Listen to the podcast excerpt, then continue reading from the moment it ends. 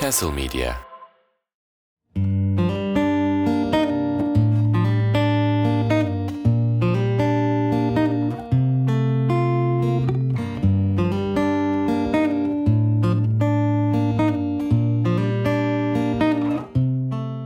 Selam herkese.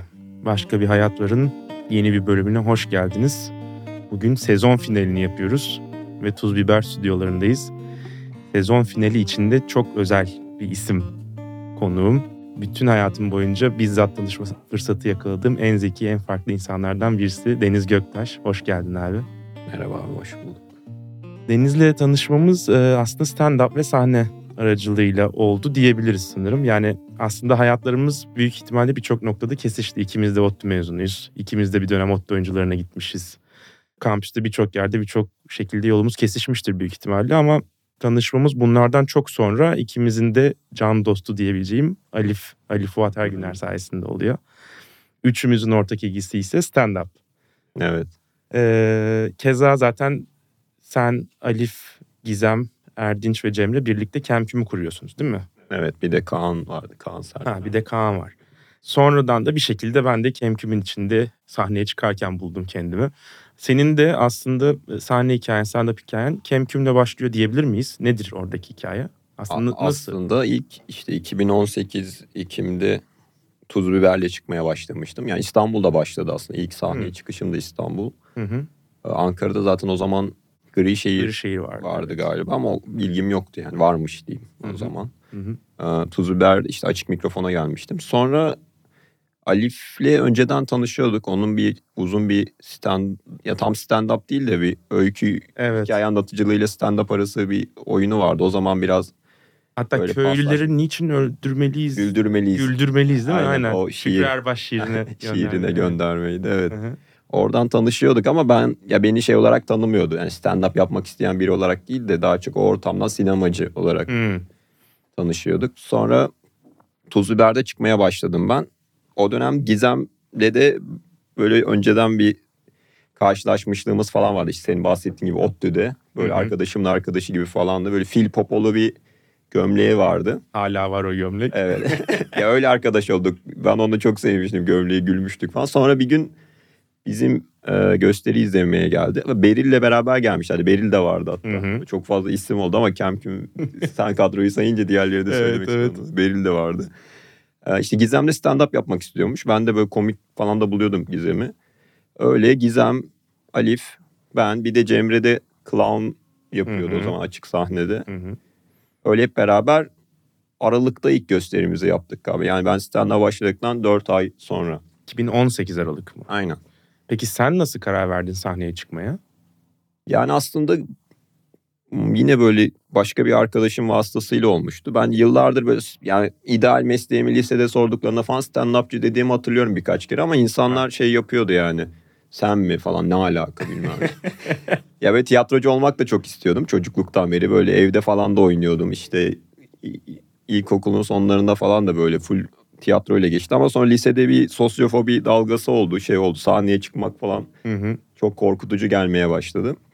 O yüzden insanlar da zaten işte senin gibi biri nasıl böyle bir şey yapabilir falan dedi. Ben de evet falan oldum. Sinemaya full Hı. şey yaptım. Biraz da öyle şey bir şeyim var yani bu odam böyle tır gibi yani. Ya bir, bir yerde kalıyor yani böyle hepsine dönüp bir ona bakayım bir buna bakayım olmuyor. Mesela ondan sonra işte full e, sinemayla geçmişti. Aslında anlatmak istediklerin hep vardı. Biraz sahne fobisinden dolayı sinemaya yöneldiğin gibi bir şey mi oldu? Evet evet. Ya aklımdaki ideal şey aslında oynadığım, yazdığım bir şeyler yapmaktı ama o oynama kısmı o kadar kolay olmadığını fark. Bir de şey oluyor ya yıllar geçtikçe treni de kaçırıyorsun. Aslında Evet. Kendi kendini gerçekleştiren bir şey oluyor yani. O sırada o cevher varsa bile kullanmadığın için giderek köreliyor o yanların falan. Peki biraz yani seni tanımayan insanlar belki vardır. Onlara geçmişinden bahsedelim. 94 Ankara mı? Evet. Sonra ODTÜ İnşaat bir süre bitirmeden ODTÜ Psikoloji. Evet ODTÜ İnşaat'ın ilk fizik şeyine girdim, lab, labına girdim ve böyle hiç okumak istemiyordum. Böyle anksiyete nöbetiyle basit bir grafik çizdiriyorlar. Başta niye ODTÜ. İnşaat yazdın? ya aslında o sıralamaya göre ya mimarlık istiyordum. Hı. İTÜ mimarlık tutuyordu. o dönemde hem annem babam bir rahatsızlık geçirmişti ikisi de ayrı ayrı. O yüzden bir bırakıp gitmek tek çocuk Hmm. sorumlu. Hem de işin garibi ODTÜ oyuncuları var diye ODTÜ'yü seçmiştim. Ama sen ODTÜ de- oyuncularını da çok erken bıraktım. ODTÜ oyuncular için ODTÜ'ye gelenlerden. Evet evet. Ve sonra 3 ay sonra bırakınca elimde inşaat mühendisliği ODTÜ kaldı. Annemle babam da iyileşti. Sa- sa- Saçma bir tercih oldu yani böyle. O yüzden bırakmayı hayal ettim hazırlık boyunca. Sonra da cesaret edip ilk yıl bıraktım. ODTÜ oyuncularını niye bıraktın 3. ayda? Ya biraz böyle şeydi. Hmm. Ya o yaş ya şu an dönüp bakınca bırakmazdım ama o yaşta böyle haftanın dört günü full disiplin Hmm. çok Zor geldi. Kişisel şeye de çok izin vermiyordu yani böyle üretime Evet, bilmem neye böyle çok daha- net bir şey vardı eğitim Öne çıkman gibi bir şey zor oluyor. Evet. Ya mesela oyun izleyemiyorum. Tiyatroya gidecek vaktim kalmıyordu. O bayağı şey garip gelmişti. Ya, tiyatrocu olacağız ve şey bir yandan da mesela tanıştım yıllar sonra işte o Kemküm'deki arkadaşlarım. Hı hı. Gerçekten ben benden az oyun izlemişlerdi falan. Çok garip gelmişti mesela. ya pratik olarak hayatını buna adamışlar ama vakitleri olmadığı için çoğu şeyi kaçırmışlar. Öyle biraz. E bir de orada da böyle şey çoktu ya. Yeteneksizlik hissi çok gelmeye başlamıştı Hmm. sahnedeyken. Peki okulu bitiriyorsun sonra Kadir Has'ta yüksek lisans sinema. Evet. Evet. İstanbul'a o yüzden gelmiş. Ee, o nereden çıktı? Yani neden e, böyle bir yüksek lisans yapmak istedin? Ya aslında işte sinemanın tam bir yolu yok e, Türkiye'de. Evet. Bir yol arıyordum. Bir yandan da böyle çocukluktan beri biraz akademik olarak başarıya alıştığım için kurumsal düşünüyorum hep yani. O zaman da öyle olmuştu. Yani Öyle yetiştirildik çünkü yani daha Evet. garantici ol, daha işte doğru yoldan git. Evet evet. Falan. Ya bir diğer yol çok kaotik geliyor çünkü ya Evet. benim gibi biri için.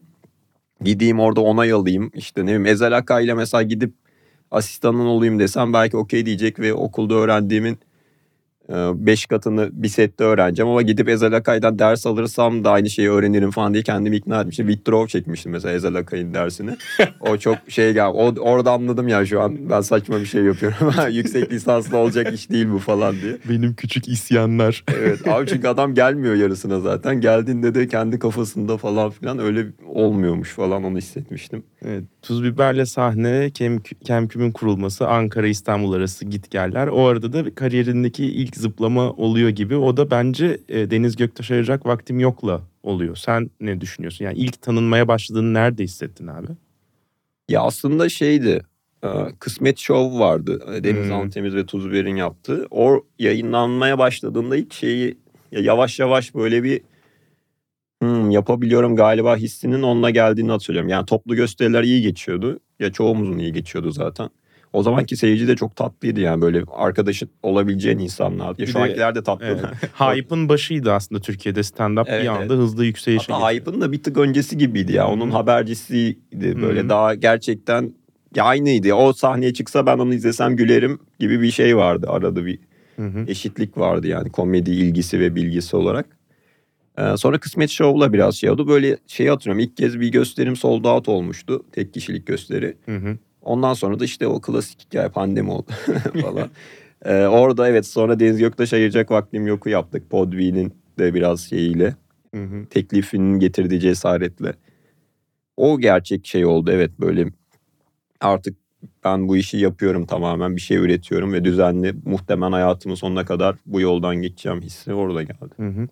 Peki yani aşağı yukarı hikayeni anladık. Yazıyorsun, çiziyorsun, anlatmak istediğin şeyler var. Mizah üstünden yapıyorsun. İşte bir yandan sinemayla ilgileniyorsun. Ee, dolu bir zihnin var ve bunu e, güzel bir perspektiften aktarıyorsun bence insanlara. Ama e, girişi genelde bu şekilde tamamlıyoruz. Bunları senden çıkardığımızda hani sahne, mizah, e, üretim geriye ne kalıyor? Sen bunlar dışında kimsin? Nasıl birisin? Of zor bir soruymuş. ne diyor diğer konuklar ne diyor keşke çıkmış sorulardan çalışsaydı. Ya bilmiyorum ki evde oturan tek başına bir insan kalıyor gibi geliyor. Ya Şu an öyle yani son 4 yıldır falan hayatım full bunlarla dolu. Hı hı. Ya herhalde arkadaşlıklarla falan filan bir şey bir geri kalan kısımda anlamlı tek onlar kalıyor. Aile, arkadaşlık falan ama onun dışında ben diye bir şey onlar üzerinden falan anlatabilirim gibi geliyor. Sahne yoksa evdeyim gibi bir yerde miyiz yani? Evet. Yani eskiden de böyle sahne değil de bir şeyler yazmak, günlük falan çok tutuyordum falan. Yani bilgisayarla geri kalan vaktimde onunla geçiyor yani ilişki olarak. Peki gösterilerinde biraz da edebiyat boklayan birisi olarak böyle yazılı bir metin ya da bir kitap üretmeyi düşünüyor musun ileride? ya da belki şu anda. Yani bir hayal olarak var tabii. Ya işte uykusuzda yazmıştım. 142 Evet. yazım olmuş. 100, 130, 140 yazı var. Onları böyle bir derlemek hatta podcast metinleriyle birlikte belki bir, bir şey olarak çıkarırım diye. O ondan sonra ona bir bakmak lazım işte. yani o gerçekten değerli bir şey mi? Değerli bir şeyse devam etmek istiyorum. Ama bir yandan Türkçem o kadar iyi gelmiyor özellikle yazıda ve iyi bir okur da değilim. Hı. O ikisini düşününce de çok parlak bir şey Bir tane kitabım olur herhalde ölmeden. Peki aslında e, biz bu kaydı iki seçim arası alacaktık ama e, ikimizin de morali çok yüksek değildi o dönem. Nasılsın? Nasıl hissediyorsun bu aralar? Yani şu an biraz toparlamış durumdayım. O konuştuğumuz dönem şeydi ya. Yani dışarıya umutlu görünmek zorunda kalıp evdeyken aşırı umutsuz, karamsar, öfkeli falan hissettiğim bir dönemdi. Şu an biraz daha iyiyim ama yani bilmiyorum. Ya bir yandan böyle şey ortamda başkalarının dinlediği bir ortamda da böyle gerçekten karamsar konuşmak çok ayıplanan bir şey. O yüzden iyiyim demek zorundayım gibi hissediyorum.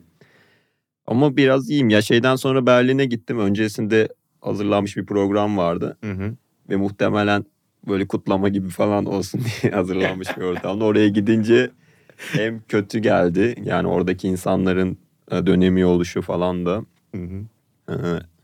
Hem benim de gösteri yapmak zorundaydım. Elimde bir şey yok falan. Ben şeye güvenmiştim yani 14 Mayıs'ta e, kazanılır ve ben o moralle bir şeyle yeni şakalar yazarım falan. Öyle olmamıştı.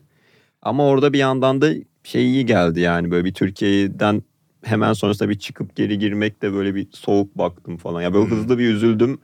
Orada biraz daha üzüldüm. Sonra da tamam hayat böyle demek ki falan. Devam diye. ediyoruz bir şekilde. Evet. Sonra dönüş rahat geldi. Döndüğümde arkadaşlarım hala düşüktü. Ben bir şekilde yapacağız abi toparlayacağız. Şimdiye kadar yaptık falan öyle öyle bir şekilde döndüm. Stand-up dışında demin de konuştuk. Uykusuzda da yazıyorsun. Aslında herhalde metin yazarlığı, reklam yazarlığı da yaptın mı? Yok hiç hiç yapmadım. Ee, gibi de konuk oyuncu olarak yer aldım. Bir de şey IMDB profilinde gördüm abi. Ama ve Ben Tek Siz Hepiniz diye iki filmde oynamışsın. Evet. Onların olayı ne? Ee, ama bir tane tiyatro oyunu aslında Nadir Sönmez'in yazıp yönettiği. Böyle çok da komik. Ya Benim son yıllarda en çok heyecanlandığım e, Türkçe yazan insanlardan birisi. Evet garip ben de merak garip de bir şeyi var. Mizah anlayışı var. Ya böyle hem yakın hissediyorum hem de onu uygulayışı çok uzak böyle değişik bir oyunculuğu var. Filmi izlersen şey Hı hı. yaparsın. O işte orada kısa bir aslında WhatsApp oyunculuğu gibi bir şey. WhatsApp'tan ayrılık mesajı atan Hmm. kibirli bir şey adam oynuyorum. Böyle biraz da benim gibi konuşan falan çok şey birebir bir şey. Ee, diğeri de bir e, kısa filmdi. Nüket Taneri ile Barış Kefeli'nin ortak yazıp yönettiği. Bayağı ödül aldı böyle birçok yerde en iyi kısa film ödülü. Evet.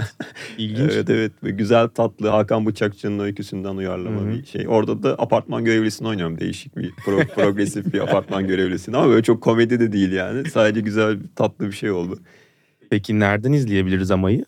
Ama Mubi'de vardı ama şu an bitmiş Hı. olabilir şeyi Hı hı. yayın süresi. Peki nasıl görüyorsun bu medya sektörünü? Yani birazcık içinde ya da olan ya da yavaş yavaş giren birisin. Yani Türkiye'de nasıl sence sektör şu anda?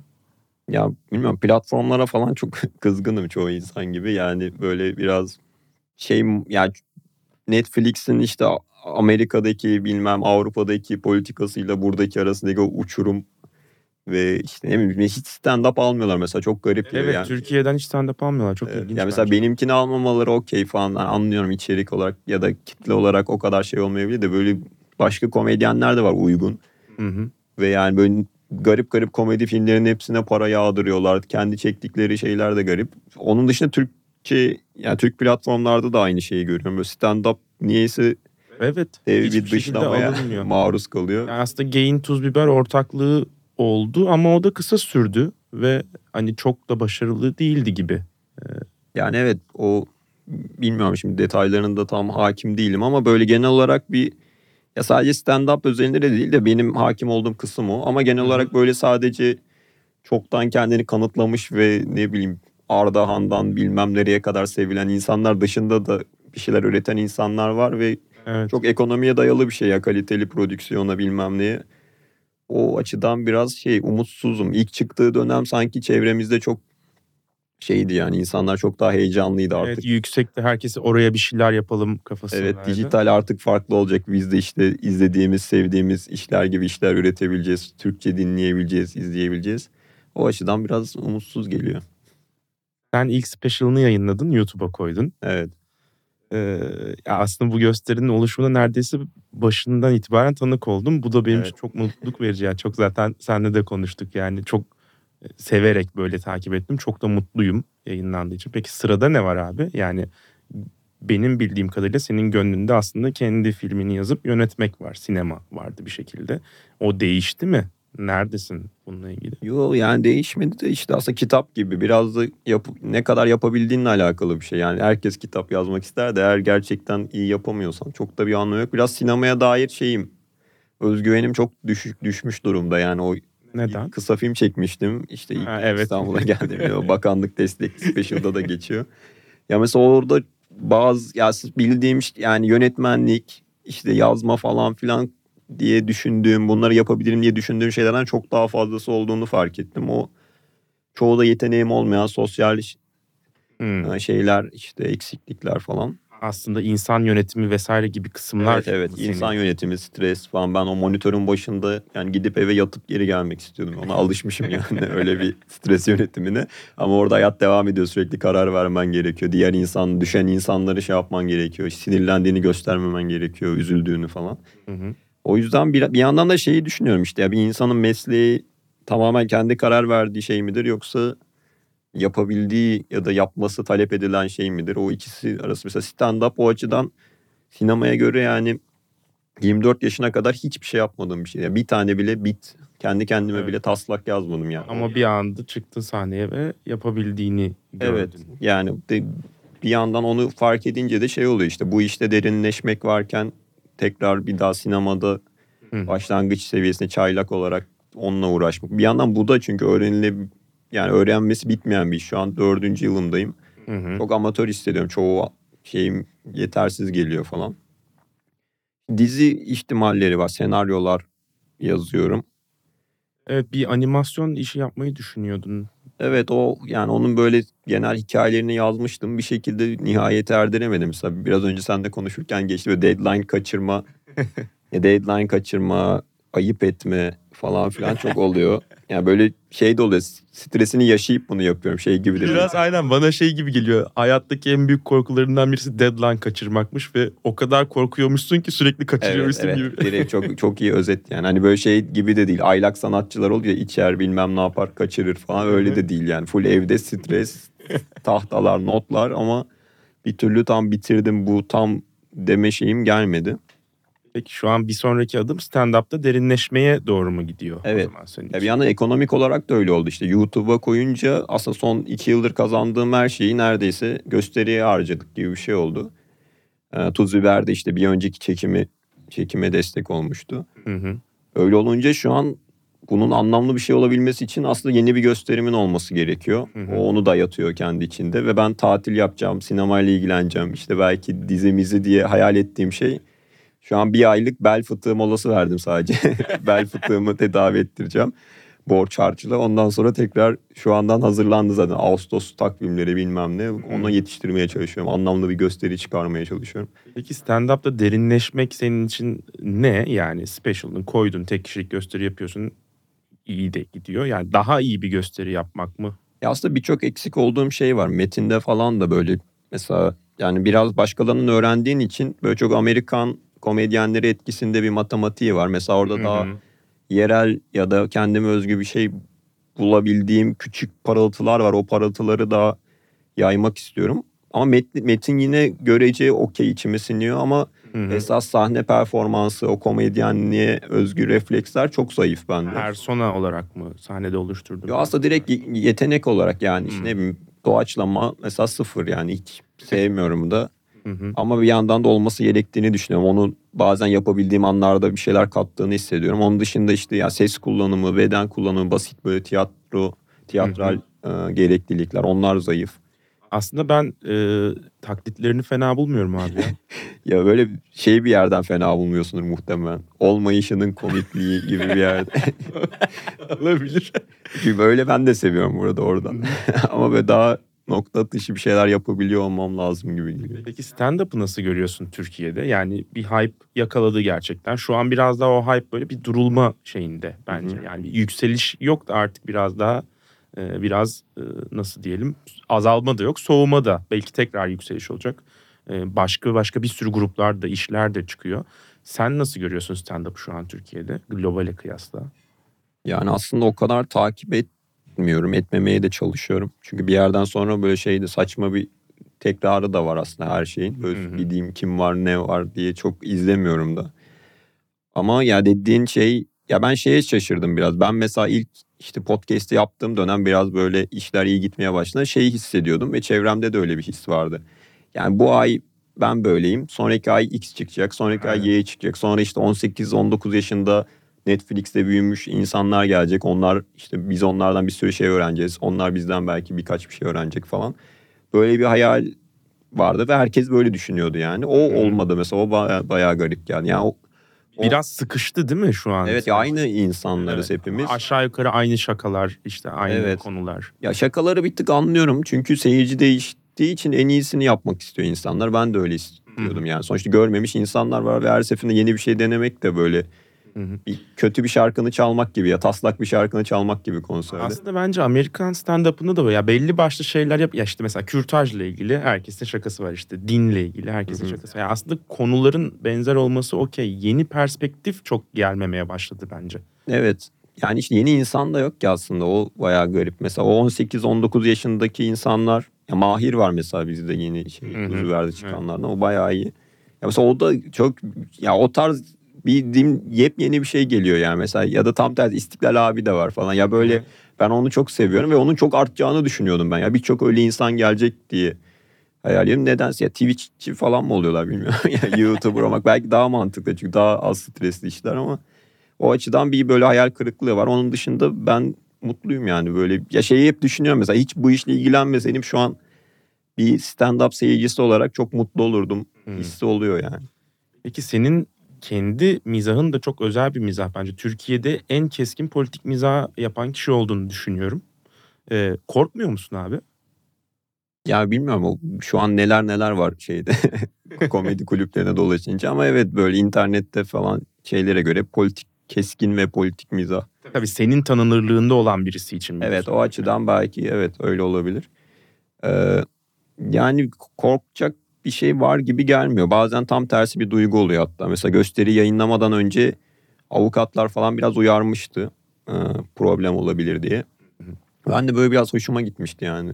Problemli bir şey yapıyorum falan diye. Sonra yayınlanım hiç öyle olmadı. Full, full olumlu yorum. İşte şeyler falan geliyor işte. Muhafazakar bir abin olarak takdir ediyorum seni falan.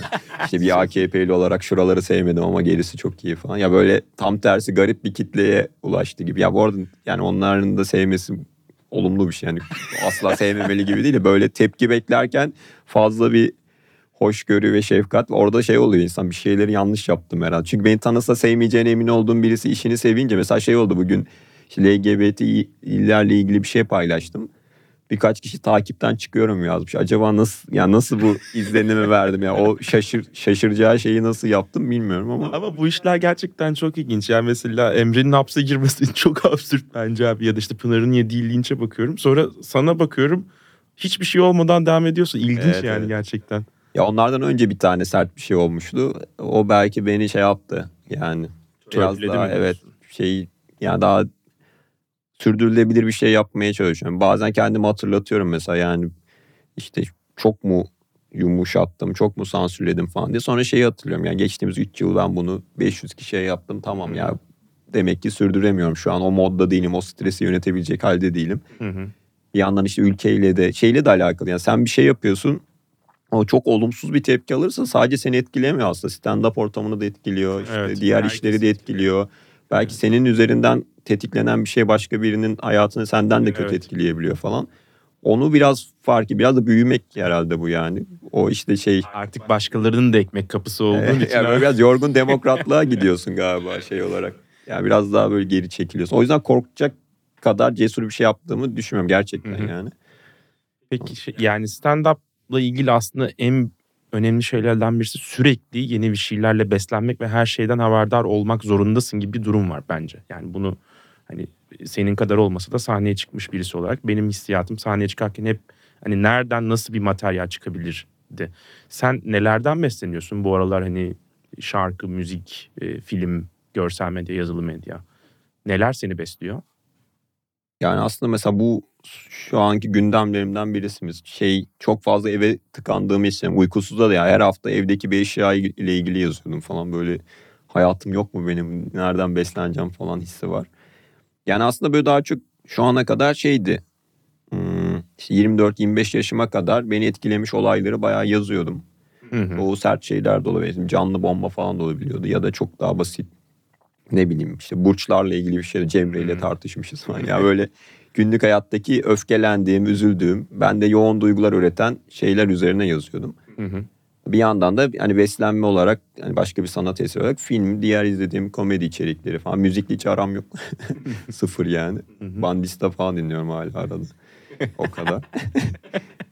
Ama şu an böyle bayağıdır sadece stand-up'la şeyim ve o da hissettiriyor yani kendi stand-up ve politika seçim döneminde de olduğum için yani Evet. hiç Babala izlemedim kendime söz verdim. Hiç, Hiç mi izlemedin? Yani kesitleri izledim ama normalde o tam benlik bir video yani. iki yıl önceki Deniz onun bin tane izlenen versiyonunu izlerdi yani evet. Bırak şeyi 5 milyonluk Barış Atay'ı. Yani o tam Barış Atay'ın şeyi mesela full izlemedim yani ve o açıdan kendimi biraz korudum ama ona rağmen full politikaydım. Hı hı. Bir de şey hayalim vardı. Ben gösteri yayınlayacağım ve bundan sonra politik mizah yapmak istemiyorum. Ya bu zaten. Öyle mi? Ya çünkü her konuda fikrim var zaten orada ve Hı. tekrar tekrara düşecek yani. Hı. Tekrar ne dersem diyeyim. Yani polisler Biraz hakkında bilmem. Louis C.K. tarzı yani bir şeyi yaptığın bir şeye geri dönüp tekrar yapmamak, yeni bir şey denemek gibi. Yani evet ya Louis de aslında böyle bazen aynı konuları tekrar ediyor da ya sonuçta aynı konuda yeni bir bakış açısı elde edemiyorsun. Bir yandan da şeyden sıkıldım yani o işte mesela politik mizah dediğimiz şey aslında biraz çok günceli takip etmeyi gerektiriyor ve Evet. benim yıllarım öyle geçti zaten gösterilere şikayet Evet. ediyorum. Hı hı. Ee, o, ondan biraz kurtulmam gerekiyor gibi hissettim. Daha böyle genel bir de mahalli komedyen gibi bir şey oluyorsun. Sadece Türkiye'deki sorunlar hakkında konuşuyorsun. Bir de e, stand-up'ta şöyle bir şey var e, zannımca. Bunu nereden aklımda kalmış bilmiyorum ama hani asıl stand-up bir senin kendi hayatınla ilgili anlatacağın şeyler bittiğinde başlıyor gibi. Yani Hı hı. şakayı yazmak zorunda kaldığında başlıyor gibi. Sen Evet. şu an öyle bir noktada mısın? Evet o Louis, Louis'nin şeyi olabilir. Her evet, yıl Louis'nin söylediği her yıl şey. special yapmak şey diyor işte bir yerde konu bitiyor. Daha kendinle ilgili daha Hı hı. derin yerlere gitmek zorunda kalıyorsun Evet. falan. Ya daha o kadar bilmiyorum daha ilkini yayınladım yani. Ama e, bir şey hissi var yani biraz böyle alışık olduğum yerlerden çıkayım. Mesela geçenlerde işte birkaç gösteri yaptım. Yine en çok sevilen benim de içime sinen yerler hep güncel politik referanslardı. Biraz o konfor alanından da çıkmak istiyorum. Yapamadığım, özendiğim. İşte o mahalli komedyen şeyi de garip. Yani işte yaşıtın bir insan Amerika'da, İngiltere'de insan doğası üzerine konuşuyor. Mesela sen gelip burada Evet. Hüdapar diyorsun. Ya o şey yani böyle sonra 10 yıl sonra bakınca belki Hüdapar hiçbir şey anlam ifade etmeyecek. Ya Evet. biraz böyle işi de Evergreen olamıyor bir şekilde. evet yani o işin yaşını da böyle düşünen bir şey. Hı hı. Peki yavaş yavaş serinin asıl noktalarına gelelim. Biliyorsun iki soru soruyoruz ee, Hı bu seride. Bir başlangıç noktası var. Ya hayatta hepimizin bir takım tutkuları var. Ee, İlginç bir şekilde ben senin yani her konuğa soruyorum senin tutkunun bu olduğunu düşünüyorum diye ama senin tutkunu tanımlayamıyorum abi. Yani tamam işte bir şeyler anlatmayı, üretmeyi seviyorsun ama bir yandan işte stand-up'ı fobi olarak yapıyorum diye kendini söylüyorsun. Yani sahneye çıkmak olamaz gibi geliyor tutkun bana. Ee, ne olarak tanımlıyorsun sen tutkunu? Tutku ne demek acaba falan düşün o kadar. yani aslında sinemayla kurduğum ilişki en yakın o, oydu. Yani böyle kendimi ifade etmeyi falan seviyorum aslında. Kendimi ifade etmek. Bir şekilde kendini evet. anlatmak. Ya bu bir tutkum olabilir mi bilmiyorum. Bir çok sıkıcı geldi bir an kendimi ifade.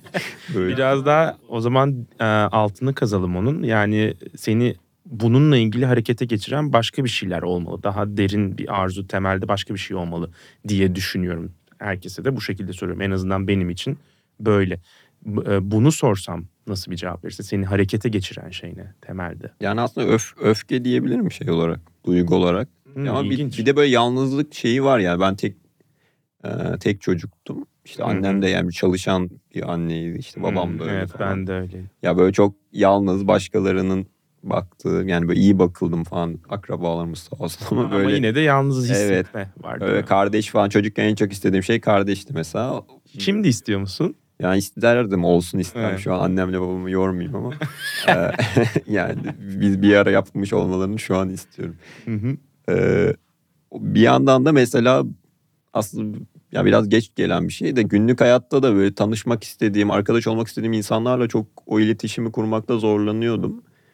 Bu besliyor gibi geliyor. Yani o ifade bir şeyleri ifade edemeyince gün içinde akşam eve gelip kendi kendine onu şey yapma isteği oluyor Hmm. güdüsü. Mesela şu an öyle oluyor yani stand-up'ımı izliyor insanlar. Ben sanki onlara bir tanışma mektubu yazmışım gibi oluyor. Gelip o benimle tanışıyor ve arkadaş olabiliyoruz falan.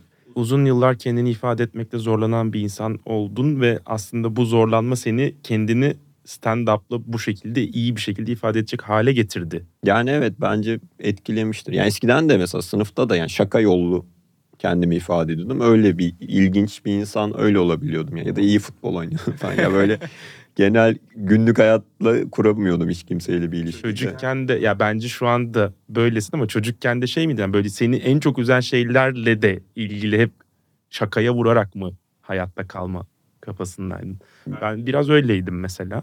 Ya evet evet vardı. Ya bu kadar şey değildi galiba. Bu kadar sert değildi galiba. ya o zaman da mizah dergileri falan okuyordum zaten. Oradaki dili direkt almıştım yani. Ya da Ferhan Şensoy falan filan. Onlar da biraz böyle sert e, kirli konular hakkında şaka Evet. yapıyorlar falan. İlginç bir cevap oldu ama hani temelde seni harekete geçiren şeyin öfke olduğunu e, söylemen hoşuma gitti bir yandan. Farklı bir cevap çünkü. Güzel bir yönetim olmuş. Ya çok başka bir sonucu da olabilirdi çünkü. Bu Evet ya asker masker olsam herhalde hiçbir şey yazmazdım. yani bilmiyorum yani askerler de öfkelerini belki ifade edemiyorlardır. Peki yani bence müthiş bir zihinsin abi. Yani e, gerçekten benim hayatım boyunca tanıştığım en zeki insanlardan birisin ve olayları çok farklı şekilde bakıyorsun ve bunları söylemem seni geriyor şu an. Farkındayım. ne demem lazım diye düşünüyorum. Teşekkür ederim. Ee, yani e, yabancı dil probleminin de olduğunu düşünmüyorum. E, yurt dışında bir karşılığın da var. Yabancı dilin olmasa dahi işte Berlin'de, Londra'da, Amsterdam'da kalabalık gösteriler düzenliyorsun bir süredir ve talep var. E, dünya çapında komedyenlerin çıktığı sahnelerde artık çıkma fırsatın da oluyor. Keza onlarla tanışma fırsatı da bulmaya başlıyorsun yavaş yavaş. Hmm, sen kendin de söylüyorsun gösterinde zaten. Sevdiğin herkesi bir bir yurt dışına kaptırıyorsun. Boşa Evet. yatırım yapmış gibi hissediyorsun. Yola beraber çıktığın Kemküm ekibinden işte artık Erdinç ve Gizem yurt dışına Hollanda'ya taşındılar. Ee, geriye işte burada kalanlar bir avuç insan kaldınız. Hmm, Yani Türkiye'de de gerçekten bence politik mizah anlamında uç bir iş yapıyorsun. Bana göre her an bir sabah kapın çalınabilir. Selam biz geldik seni almaya diye. Ee, ve tüm bunlara rağmen kalıyorsun. Yani aslında yurt dışına böyle uzasan, uzaktan mizahını yapmaya devam etsen daha rahat hissetmez misin? Dövizle kazansan, dostlarının yanında olsan. Fena olmaz gibi geliyor. Yani niye kalıyorsun? Yani işte yabancı dil problemin yok diye başladın ama aslında dille problemim var. Yani böyle İngilizce gitsem muhtemelen o şeyi çözerim bir yılda falan ama Hı hı. Bence Türk- de. Türkçe bile yabancı dil gibi geliyor ben böyle şey. Bütün ilişkim olduğu için şey hayatla. Hı hı. Ya böyle kelime bulmak, konuşmak, e, yazarken falan da böyle Türkçe bile şey geliyor yani. Böyle hala öğrendiğim bir şey gibi geliyor. Hı hı. Bir de böyle sorularda hep alıntıladığım bir Ender Yıldızhan sözü var. E, Çizer Ender Yıldızhan. Hı hı. O yurt dışına çıkanın mizah anlayışı yurt dışına çıktığı yaşta kalır diye bir sözü var onun. Ya ben de böyle benzer hissediyordum ama bu kadar tek nok- ya tam neyden rahatsız olduğumu şey yaptık. Korkum da bir yandan. Tabii şimdi giden arkadaşlarımı da şey yapmayayım ama ya biraz buradaki insanlarla şeyim gibi ya mesela oradaki geçen bunu düşünmüştüm ya buradaki mesela bir seküler insanla ya da hmm, benzer hassasiyetlere sahip olduğum dünya görüş olarak insanla oradaki arasında bile uçurum var yani buradakiyle kurduğum yakınlığı o duygudaşlığı başka bir yerde bulabileceğimi sanmıyorum. Mesela Lübnan'a gitmek falan daha mantıklı yani o açıdan ya böyle Neden sence? ya çünkü aynı yaşanmış Gündelik dertlerin farkıyla mı alakalı sence? Evet bence aynı yaşanmışlık yok. Yani Türkiye içinde bile farklı bölgeler arasında Evet, uçurum var. Yani mesela. Diyarbakır'a gittiğinde falan sen işte Boğaziçi Üniversitesi kötüydü diyorsun. Adam da hmm falan ya orada böyle bir onun yaşadığıyla senin aranda da uçurum var. Hı hı. Ee, o açıdan o şeyi ya benim hayatta kalabalık hissettiğim, mutlu hissettiğim anlar hep bu tarz insanların ya yaptığı bir şeyi izlemek ya beraber onlarla bir arada olmak falan. Hı hı. Onu bulamamaktan korkuyorum. Hatta onunla bağımın kopmasından da korkuyorum. Mesela o olmasa aslında gidip 2-3 yıl orada yaşamak isterim. Bu tarz insanlar ne tarz insanlar? Yani işte burada benzer dünya görüşünde olduğum, benzer hassasiyette olduğum insanlarla yani ortak duyguları paylaştığım insanlarla o bağın kopmasından da korkuyorum. Biraz bu konularda da şeyim yani ne denir? Çok insecure hissediyorum yani şey. Hı. hmm, o- Güvensiz hissediyorsun. Evet yani o şey gidip geri dönünce çok şey kaybolacak ya. Bir yandan böyle şey dedim ya İTÜ mimarlık yani ODTÜ inşaat annemle babam Evet. bırakmamak içindi. Şimdi Evet. o da var falan aile de var. Hı. Ya bir yandan da ya bu gibi hayat dediğim şey bu gibi geliyor. Yani böyle daha konforlu işte döviz möviz ya da orada yaşamak. Ama bir yandan bunu konuşurken şey de biraz şımarık geliyor. Bir erkek olarak bunları söylemek biraz e, ya mesela benim açımdan mantıklı argüman da bunlar herkes için geçerli olmadığını biliyorum. Birçok Türkiye'de artık nefes alamayan arkadaşım var. ve Evet. yani onların gitmesini anlıyorum. Bir de bir yandan da işte sadece Kemküm'den de değil. Benim ciddi bütün yakın arkadaşlarım gitti. Yani böyle Evet. İstanbul'daki herkes gitti. Beraber yaşadığım insanlar gitti falan. Kalanların da ciddi bir kısmı gitmeyi kovalıyor veya Evet. düşünüyor bir şekilde. Nasıl hissettiriyor bu sana? Yani işte yani bazen böyle savunuyordum eskiden. Gitmemeleri için uğraşıyordum. Bu mizah anlayışı bilmem ne. Oradaki insanlar farklı insanlar. Yabancı olmak, göçmen olmak falan. Şu an gitti yani bu şey hiçbir şey diyemiyorum. Çok çok mantıklı ve haklılar falan. Ya bir yandan şeyin de cezası gibi bu işte. Ben Gazi Anadolu'da okudum şeydi Ankara'da. ODTÜ sonra. Buradaki insanlar da biraz şu an hak ettikleri paradan çok az alan kişiler oldu Evet. iş hayatlarında. İşte kimi mühendis, kimi bilmem ne, doktor falan. Hı hı. Onlara hiçbir şey diyemem ya. Bir insan mesleğinin hakkını alamıyorsa o ülke onun ülkesi değildir aslında yani orada yaşamak. Gittiği ülkede onun ülkesi olamıyor yani. Yani Orada. evet ama en azından emeğinin hakkını aldığını düşünüyorsa daha mantıklı Hmm. bir şey. Ya ben de mesela öyle bir şey de yok. Ben şu ana kadar elde ettiğim her şeyi Türkiye'de yaşayan insanların e, katkısıyla elde ettim. Türkçe sayesinde kazandım. Evet. Ve hayatla ilişkimde böyle. O yüzden biraz konforlu da bir yerdeyim hani. Peki ciddi olarak gitmeyi düşündüğün bir zaman oldu mu? Oluyor. yani mesela şeyde çok oluyor. Bilmiyorum Yani da böyle. bununla ilgili aldığın en somut aksiyon ne? Öyle sorayım sana. Yani aslında böyle bir şeyi falan araştırmıştım. Hollanda'da iki ülkeli bir hayat kurabilir miyim falan. Çok seviyorum Hollanda'yı. Bir yandan böyle amcam falan oralı orada. Hı hı. Yani çocukları orada doğdu büyüdü falan. Ama öyle bir şey ya aktif bir şey yapmadım. Sadece gösteriler yapıyoruz. İşte bir yandan gittiğimde bazen öğrenmeye çalışıyorum işte. Ama o da ya Türkiye'de Türkiye hakkında konuşacaksam, komedi yapmaya devam edeceksem o da çok şey geliyor bana. Şımarık geliyor. İleride bunu dinletirler bana. Ama şey falan garip geliyor mesela. Yani hiç böyle çocuk yapma gibi bir fikrim yok ama bunu arada insan düşünüyor ya bu fikri.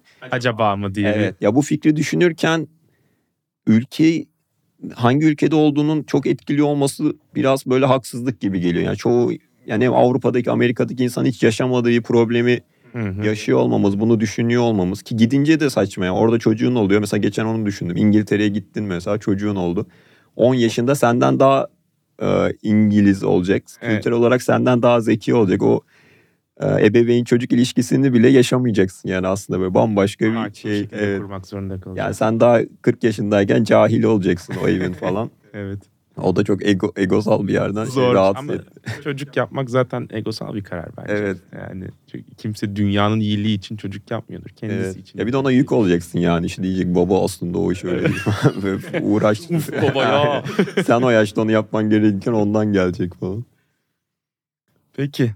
Yavaş yavaş toparlayacağız. Ee, ne olursa olsun bir şekilde burada kalmaya devam eden insanlardan birisin ve bence şu anda burada kalmanın birinci koşulu bir şekilde kendi alanını, nefes alabileceğin alanı yaratabilmiş olmak ve bu alanı ne kadar büyütebilirsen, o alanı ne kadar sevdiğin insanları dahil edebilirsen o kadar rahat yaşıyorsun diye düşünüyorum. Bu aslında Türkiye'de özgü bir şey değil. Yani dünyanın her yerinde başka problemler var.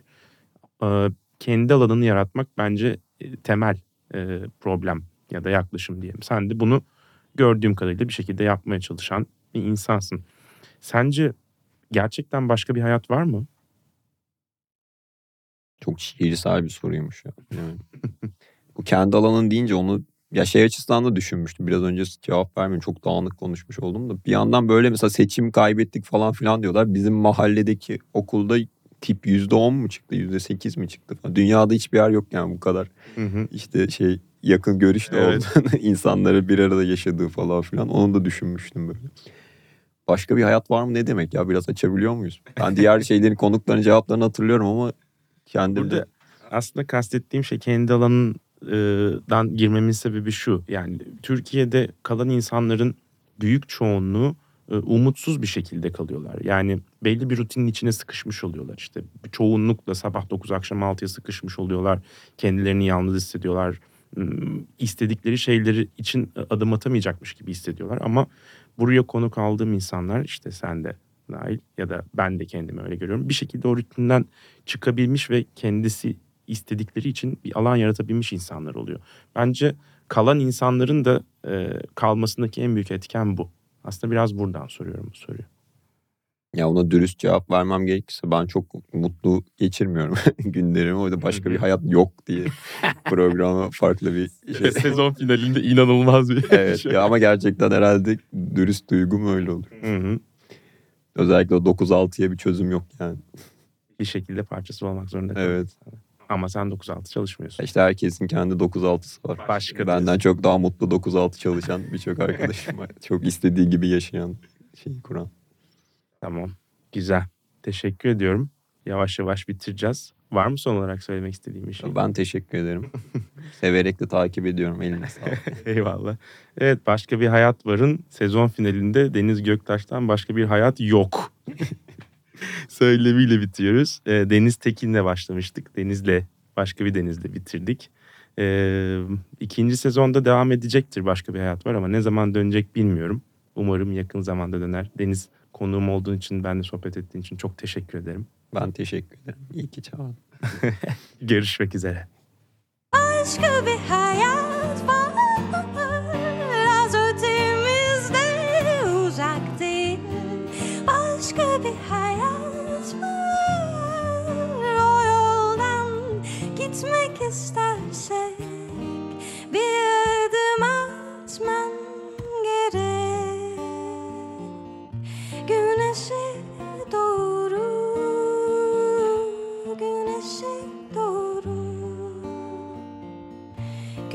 she